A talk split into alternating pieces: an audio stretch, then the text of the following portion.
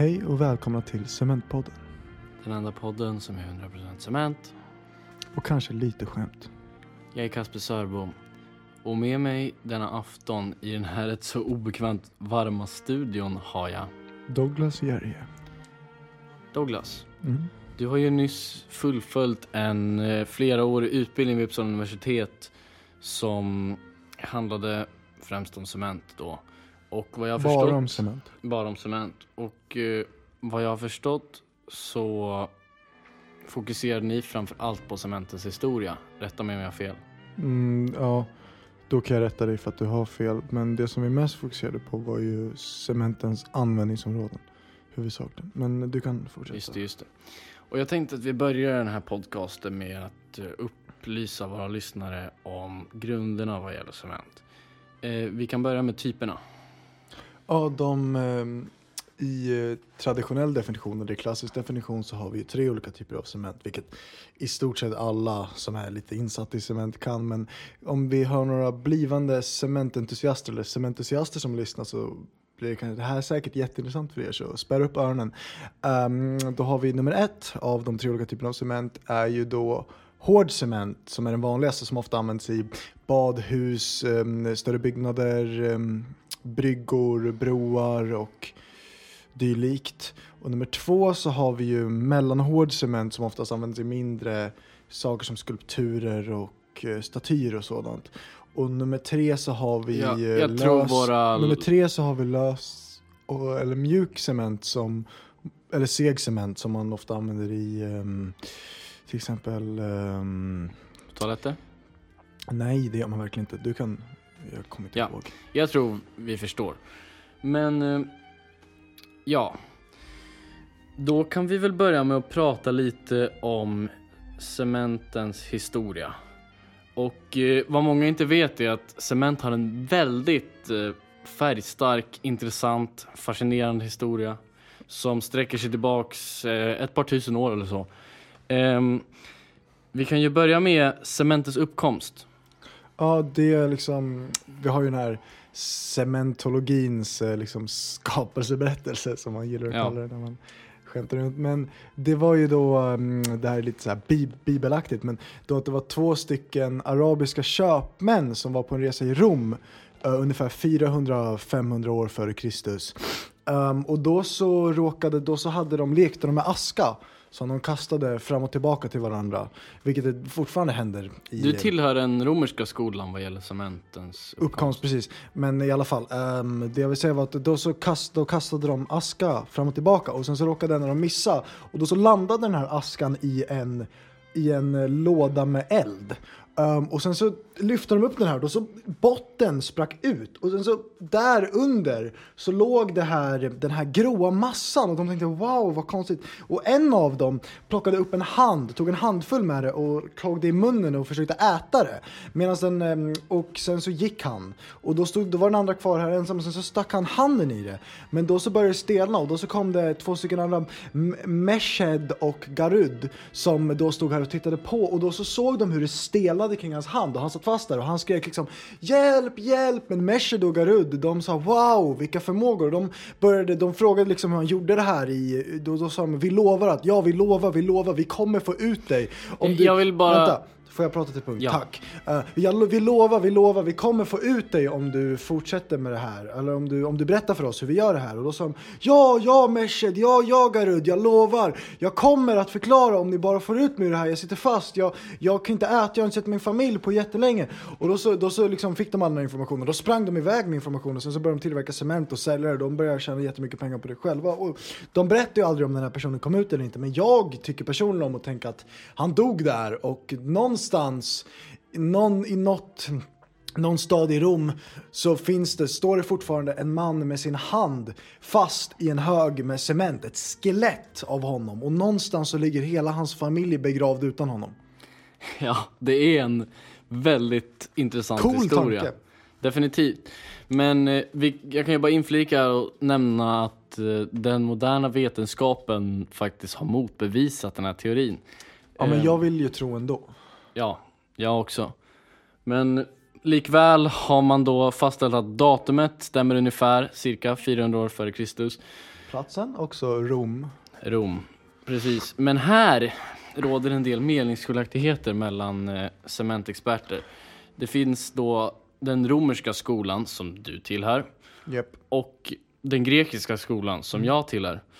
Ehm, och det finns en hel del djupa klyftor och ett agg som sträcker sig tillbaks eh, ett par årtionden. Eh, det är en inflammerad debatt, men eh, likväl tänkte vi att eh, det är bra att få två olika perspektiv på den här saken i Ja, podcasten. det är såklart. Ja, verkligen. Och ehm, cementen, efter detta glömdes den bort vid romarrikets fall och fördes tillbaks till Europa på 1200-talet, medeltiden, från arabvärlden. Och eh, det var under denna period som munken Jacob Escolier eh, författade ja, den första skriftliga dokumentationen vi har gällande cement. Eh, och Jacob Escolier var ju då en munk i Frankrike. Och eh, det är ju en intressant historia i sig, men bara två år efter att han skrev eh, den här texten så föll han ner från klostermuren och dog. Och det är omdebatterat om det här var, faktiskt var ett mord. Det vet man inte riktigt. Det var ju det är svårt att veta med sådana här eh, historiska händelser såklart. Ja, det får jag inflika där. Jag har också läst lite om det här. Det är faktiskt inskrivet i, jag är ju lite också in, insatt i självmordslära. Det är ju då satt som ett av eh, Frankrikes historiskt tidigaste eh, möjliga självmord faktiskt som man har dokumenterat. Självklart så skedde det ju innan dess, men dokumentation är en annan sak. Precis, exakt, det är det jag menar. Ja, och eh, då på 1800-talet började cementen användas på allvar vid byggnadskonstruktion. Ehm, ett av de första byggnaderna gjorda av cement i Sverige är en bro i Stockholm som är rätt så känd, som heter Klarabergsbron. Ehm, den, eh, jag kommer själv ihåg när jag var liten faktiskt och eh, jag och min pappa körde bil över den här bron. Den är mycket vacker och eh, den liknar inte alls de cementkonstruktioner vi har idag. Kanske du kan berätta lite om varför? Jo, det är ju det som är väldigt intressant jämfört med då, det är att man har en liksom approach till formspråket som är så, så magnifikt jämfört med vad man tänker idag. För idag ska allt vara effektivt, tyskt. Man vill ha alla de där, man vill ha den där ingenjörsauran. Men här så tänkte de, de tänkte inte så, de var lite simplare, lite mer naiv tid. Så allt är liksom byggt på ett sätt där det bara handlar om hur vackert det är. Förlåt om jag blir lite eh, sentimental nu när jag pratar om det här, men det är faktiskt också en av mina en av de viktigaste konstruktionerna för mig, för det var det första jag också för mig, du som sa det där med din, med din far också, men ja, när jag var liten så, så åkte jag dit med min mamma och eh, såg den här bron. Och det var ju då jag frågade, mamma vad är det där? Och då sa hon att det är en, det är en cementbro. Och då så sa jag, wow vad vackert, det där hoppas jag jag kan jobba med någon gång. Och jag är väldigt nöjd med att jag fick min önskan eh, uppfylld. Ja, du har verkligen haft tur med, du lever ju drömmen. Du har ett drömyrke verkligen. Jo, det kan man ju tro, men det är inte alltid att det är en dans på rosor det här att vara cementolog. Utan det finns ju sömnlösa nätter, tider då man blir, man blir väldigt det stämmer ju säkert för alla jobb, vad, man än är, om man är målare, om man är stenläggare, om man jobbar på ett bruk, om man blåser glas. Vem man än är, vart som helst i livet så stämmer det väl att det finns ju alltid ögonblick av ångest. Det finns ju alltid en, en liten känsla någonstans som äter på en av att det är någonting som saknas i ens liv. Som gör, alltid gör lite svårt att... Du har väl också det Kasper? Ja, såklart. Men det är ingenting jag gillar riktigt gillar att prata om faktiskt. Men det som du säger för oss ju in till vårt nästa samtalsämne. Som är eh, cementkritikerna och när de pratar om cementens så kallade mörka historia. Ehm, Ja, alltid, alltid. Varje gång liksom man kommer dit, sen ska någon det är rätt så frustrerande. sån här know-it-alls i klassen som räcker upp handen och säger ja, ah, kan vi inte prata om, eh, om eh, Bedesko-unionen 1967? På ditt Ja, vi har- universitet? Ja, vi har, alltså, så jävla många gånger man går igenom det. Alltså Bedesco, det är B-D-E-S-C-O. Det är den här... Åh gud, alltså de kan inte hålla tyst om det. Nej. Och de babblar på om ja, vad brukar det vara? Cementens koldioxidavtryck bland annat, har jag hört på senaste tiden. Ehm, de pratade också om cementens roll i slaveriet och eh, Sveriges ansvar som exportland när det gäller att exportera cement till ja, olika diktaturer runt om i världen som kanske inte riktigt eh, följer de mänskliga rättigheterna. Ehm, Ja, det är en, det är en intressant fråga för att all, alla pratar ju liksom om mänskliga rättigheter och wow, vad människor ska ha det bra hela tiden. Men, men de nämner ju aldrig cement någon, i någon paragraf någonstans i hela, Sant. i hela listan över de mänskliga rättigheterna. och jag, Och jag, jag menar inte att låta, det, jag vill inte att det ska låta som att jag är nej, självklart jag inte. förstår ju hur det låter men det är fortfarande liksom att man ska ta upp Du har, om du har om igen. absolut en poäng. Jag vet att här i veckan så publicerade Pew Research Center en studie där de kunde påvisa att från 1910 till idag har cementen räddat ungefär 500 000 liv varje år i genomsnitt till idag. Det är ju en ganska... Förvånar mig inte, inte det minsta. Nej. Jag, jag skulle tro att det var mer. Alltså det är sjukt varmt här inne. Ja, jag- vet. Det, det, jag fattar inte. Det är något fel med luftkonditionering. eller Något. Det Ja, ja. känns som Vi typ fortsätter 20 ändå. 29 grader eller någonting. Men, ehm, cement, tillbaka till cement. Ja, ehm, cement. Det var, vi var inne på cementens kritiker. Och eh, Ja, det finns ju. Det, jag skulle personligen säga att det finns rimliga. Det finns ju jätterimliga anledningar till att till att vara väldigt kritisk till cementindustrin till exempel. Alltså den, det, det, är liksom det arbete som Lemunda cementverk har, självklart. har utfört de senaste... Eller, eller titta bara på eh, Skåne cementbruks eh, skandalen kring dem som blossade upp för ett par år sedan. Ja men alltså det är, inte, det är ingenting jämfört med Lemunda, hur de har behandlat sina arbetare. Jag känner ju många i den branschen. De har ju liksom, de har ju, de har ju levt i stort sett, de har ju haft slav, slavomständigheter. De har liksom, Liknar de har lite Ikea nästan. på. Det liknar, det liknar lite kanske Ikeas arbetare i Indien. Ungefär. Det är på den nivån. Det är skandalöst alltså. Men det, är också, det går ju också tillbaka till det här, den här, de här stora koalitionerna som det var på 70, 60-70-talet när de hade monopol på cement och så kunde de ju, de kunde ju rampa upp, de kunde ju få liksom hur, hur bra löner som helst, de som satt högst uppe för att de verkligen trampade på de som jobbade. Och det var ju Ja. helt omänskligt, helt, alltså verkligen, verkligen kritisk, kritiska förhållanden var det. Ja, de har eh, lyckats dölja det här under många år, men den svenska cementlobbyn är eh, ju väldigt stark sett ur ett internationellt perspektiv. Men eh, vet, vet du vad, jag orkar nästan inte prata mer om det här. Jag vill komma in på, jag tycker det här är lite för allvarligt. Ska vi, ska vi prata vidare om cementens historia? Vad är det vi, vad är det vi vill eh, berätta mer om? Alltså det är ett så mångfacetterat ämne. Det finns så mycket att gå igenom så att man tappar nästan bort sig så fort som man försöker tänka på hela historien av cement. Men vi kan gå in lite på 1700-talet. Du sa innan att det var ett av dina specialämnen. Ja, 1700-talet inom cement. Ja, jag har ju grävt ner mig kan man lugnt säga i just 1700-talet som cementhistoria. För den är väldigt intressant. 1700-talet, alla känner ju till historien. Ehm, I England började den industriella revolutionen. Ehm, vävstolarna som massproducerade tyger till resten av världen. England är ju den första industrinationen.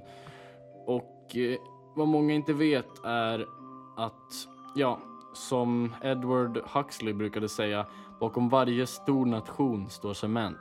Och vad han menade med det är att cement möjliggör många, och är en förutsättning till och med, för många grundläggande behov för människor som mat och husrum till exempel.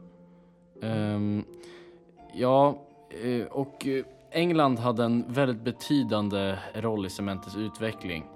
Um, det var ju flera industriägare som desperat försökte komma på en bättre formel för cement för man hade problem med konstruktionens stabilitet. Det är därför, det här kan ju du allting om, men, du, men eh, under 1600-talet innan de här genombrotten i hur man tillverkade cement så var det svårt att få till i riktigt hållfasta och detaljerade Eh, byggnader i cement just på grund av materialets begränsningar. Du kan ju berätta lite mer om det här. Det där stämmer ju bara delvis faktiskt. Eh, den här, de här eh, uppfinningen och den här utvecklingen som du talar om på 1600 och 1700-talet är ju den var ju mestadels klar på 1600-talet. Det var ju lite av det som hände på 1700-talet, även om man skulle vilja anta det med tanke på att det är en senare epok, så att man tror kanske att teknologin... Jag har hört, liksom- annorlunda, jag har hört Du annorlunda. kanske har hört annorlunda, men jag har läst väldigt mycket om det här specifika ämnet, okej?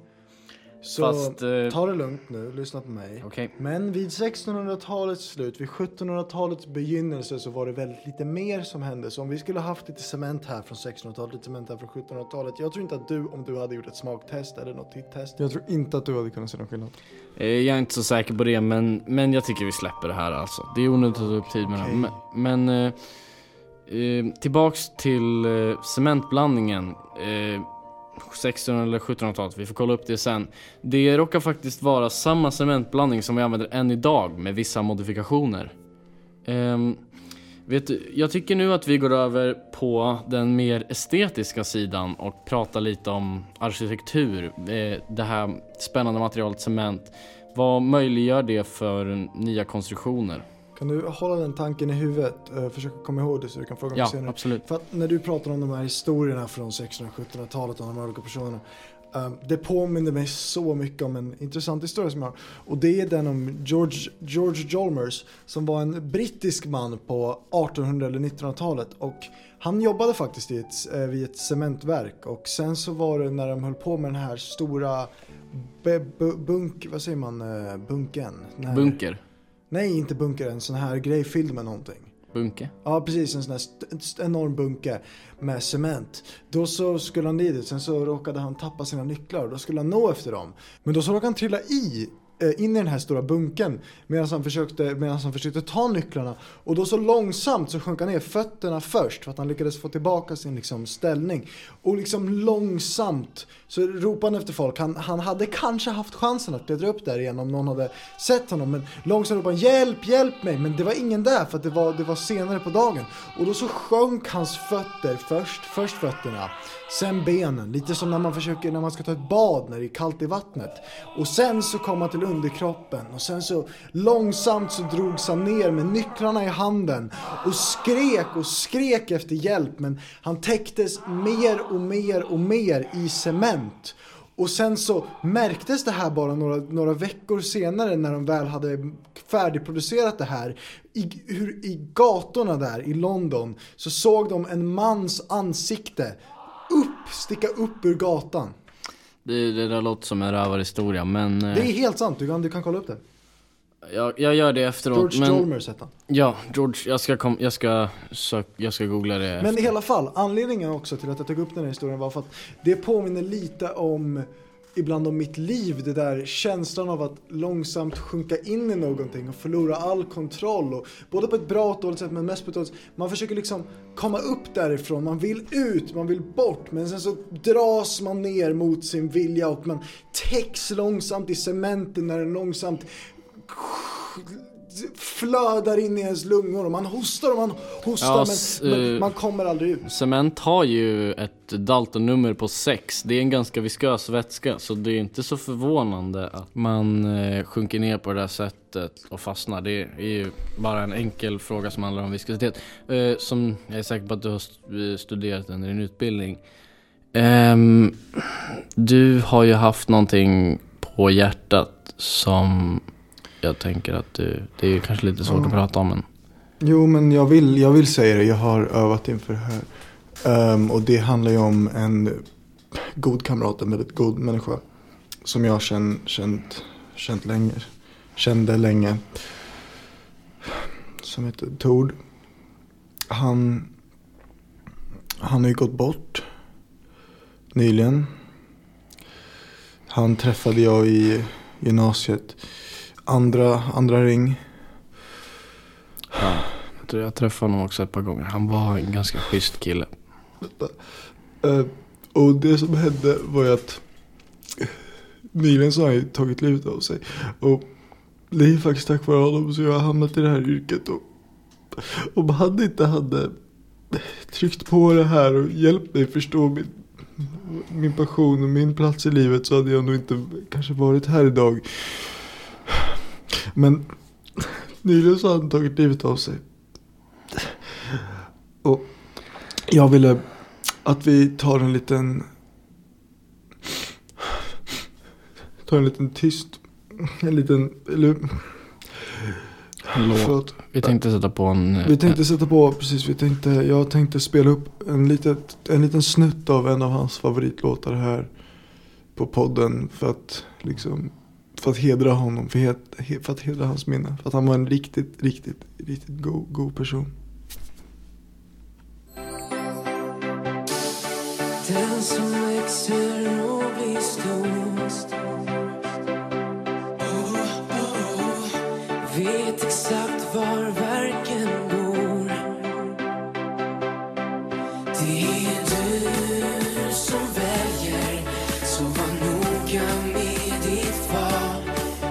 Det är ändå du som väljer vem du är.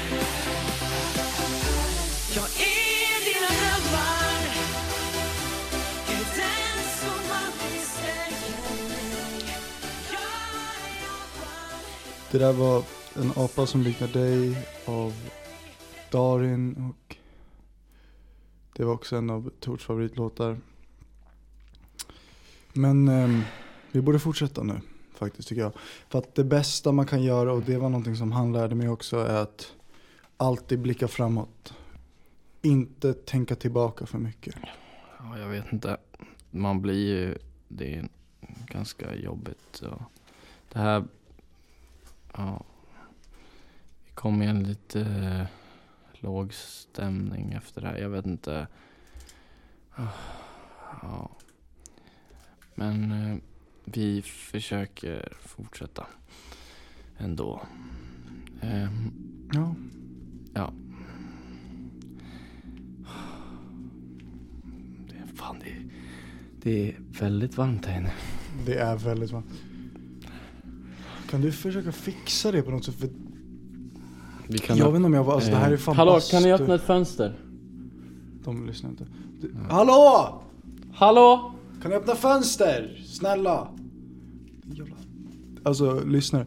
Det är en bastu här inne typ. Det är, det är bokstavligen 40 grader tror jag. Det är så jävla varmt.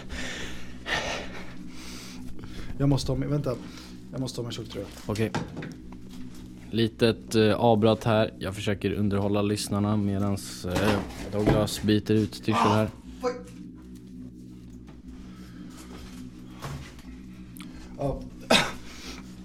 Jag, jag tror det är lugnt. Det var bara en eh, bit, bit hud som eh, kom av med tjocktröjan. Men eh, jag tror, jag tror det är okej. Ja, du klarar dig.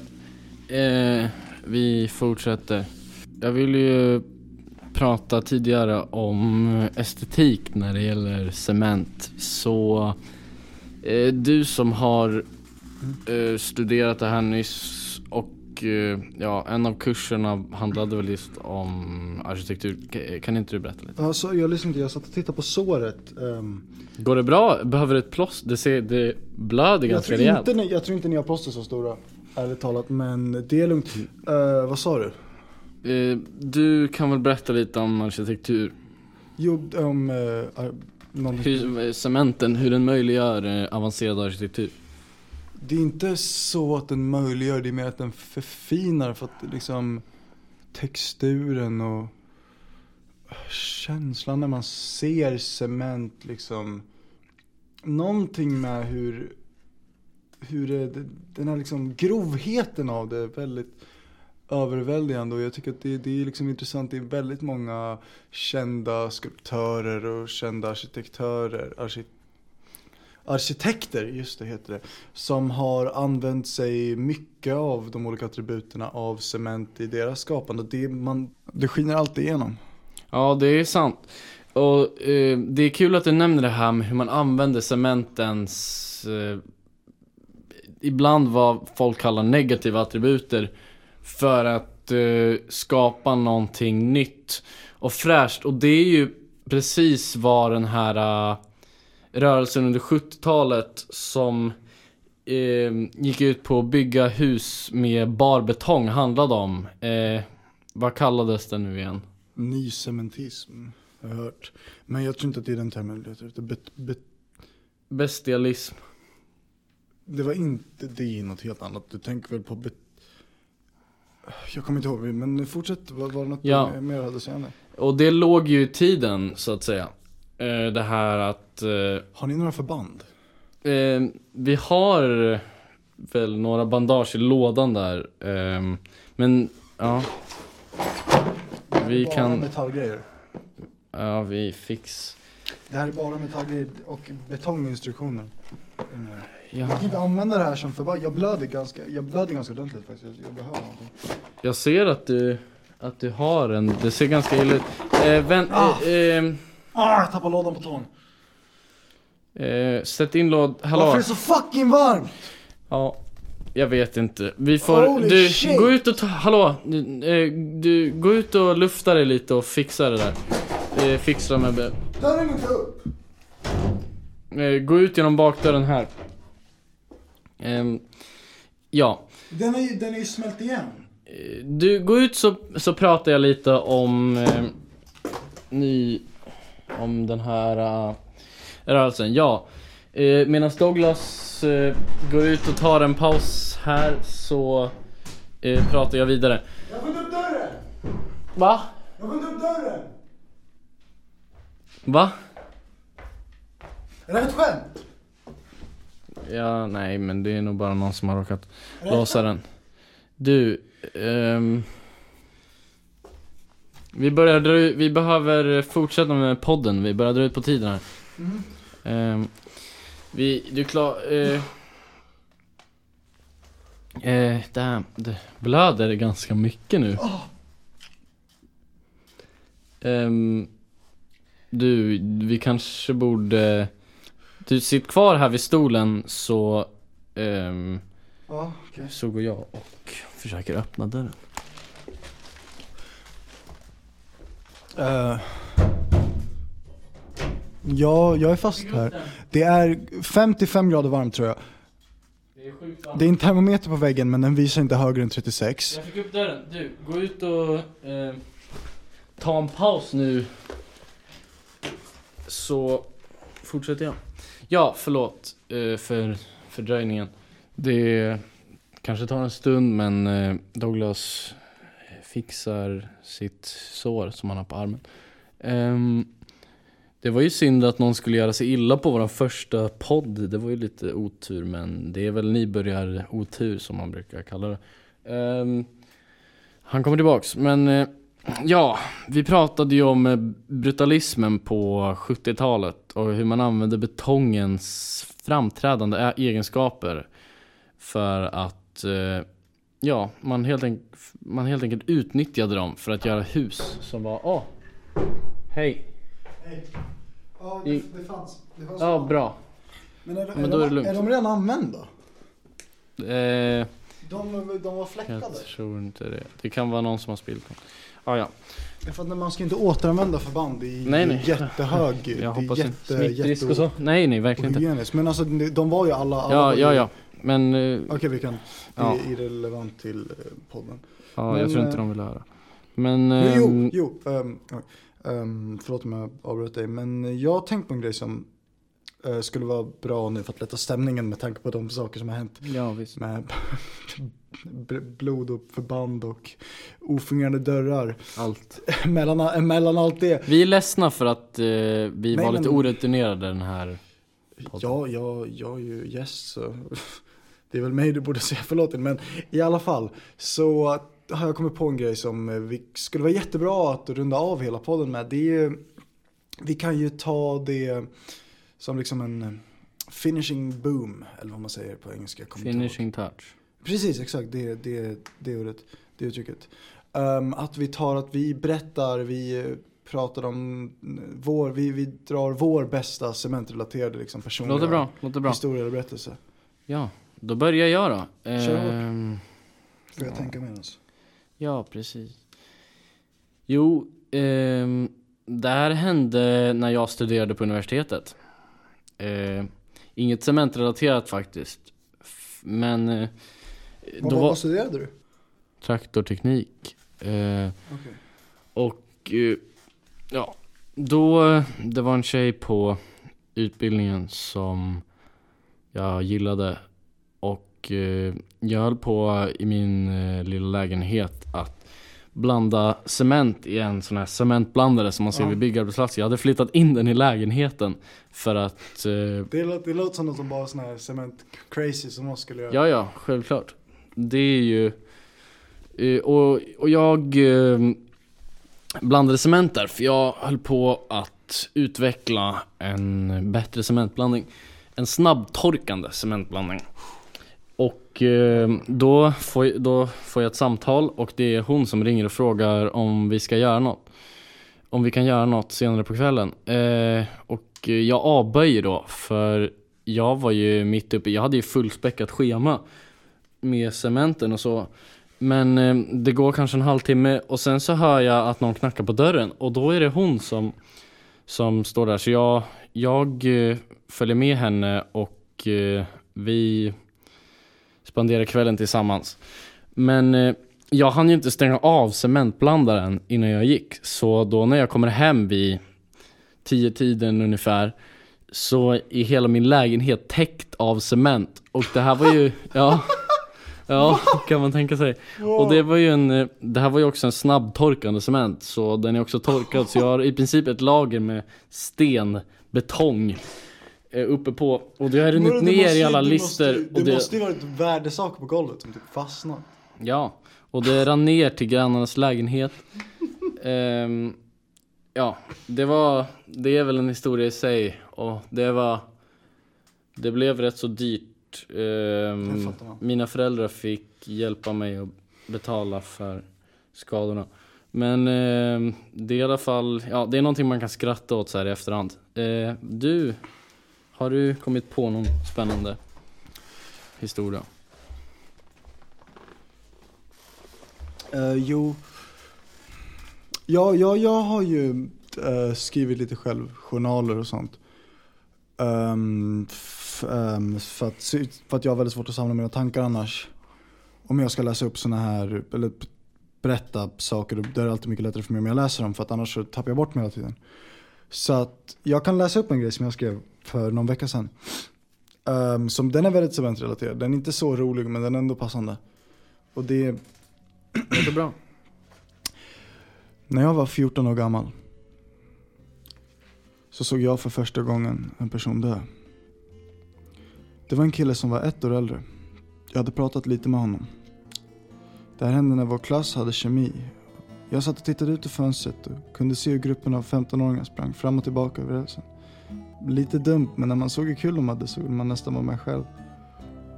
Sen kom tåget. De sprang. Alla kom smidigt undan, inga problem. Eller alla utom han gjorde det.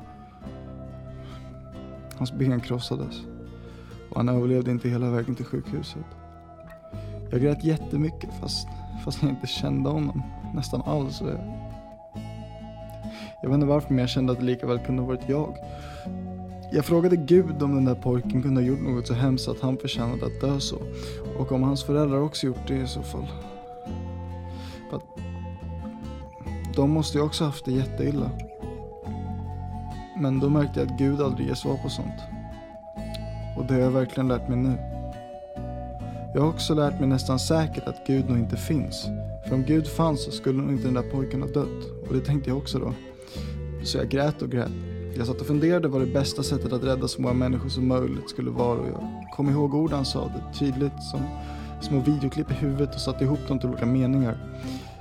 Jag gjorde om honom till så många olika saker. Jag gjorde en form jag hatade, så att han skulle förtjäna att dö. Och jag gjorde en form som var så älskvärd att det istället var världen som skulle förtjäna att förstöras. Och jag hade kvar de riktiga minnena som fanns också.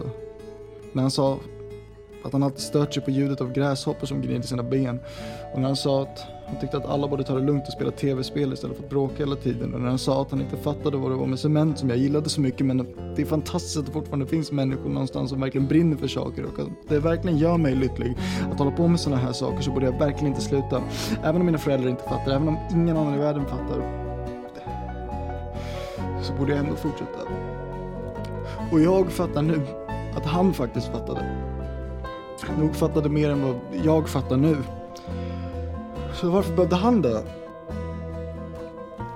Och jag tror att en dag så vill jag lägga mig ner i en kista av cement och bara höra tysthet. Och en dag vill jag ha det tyst. Detta har varit Cementpodden. Avsnitt 1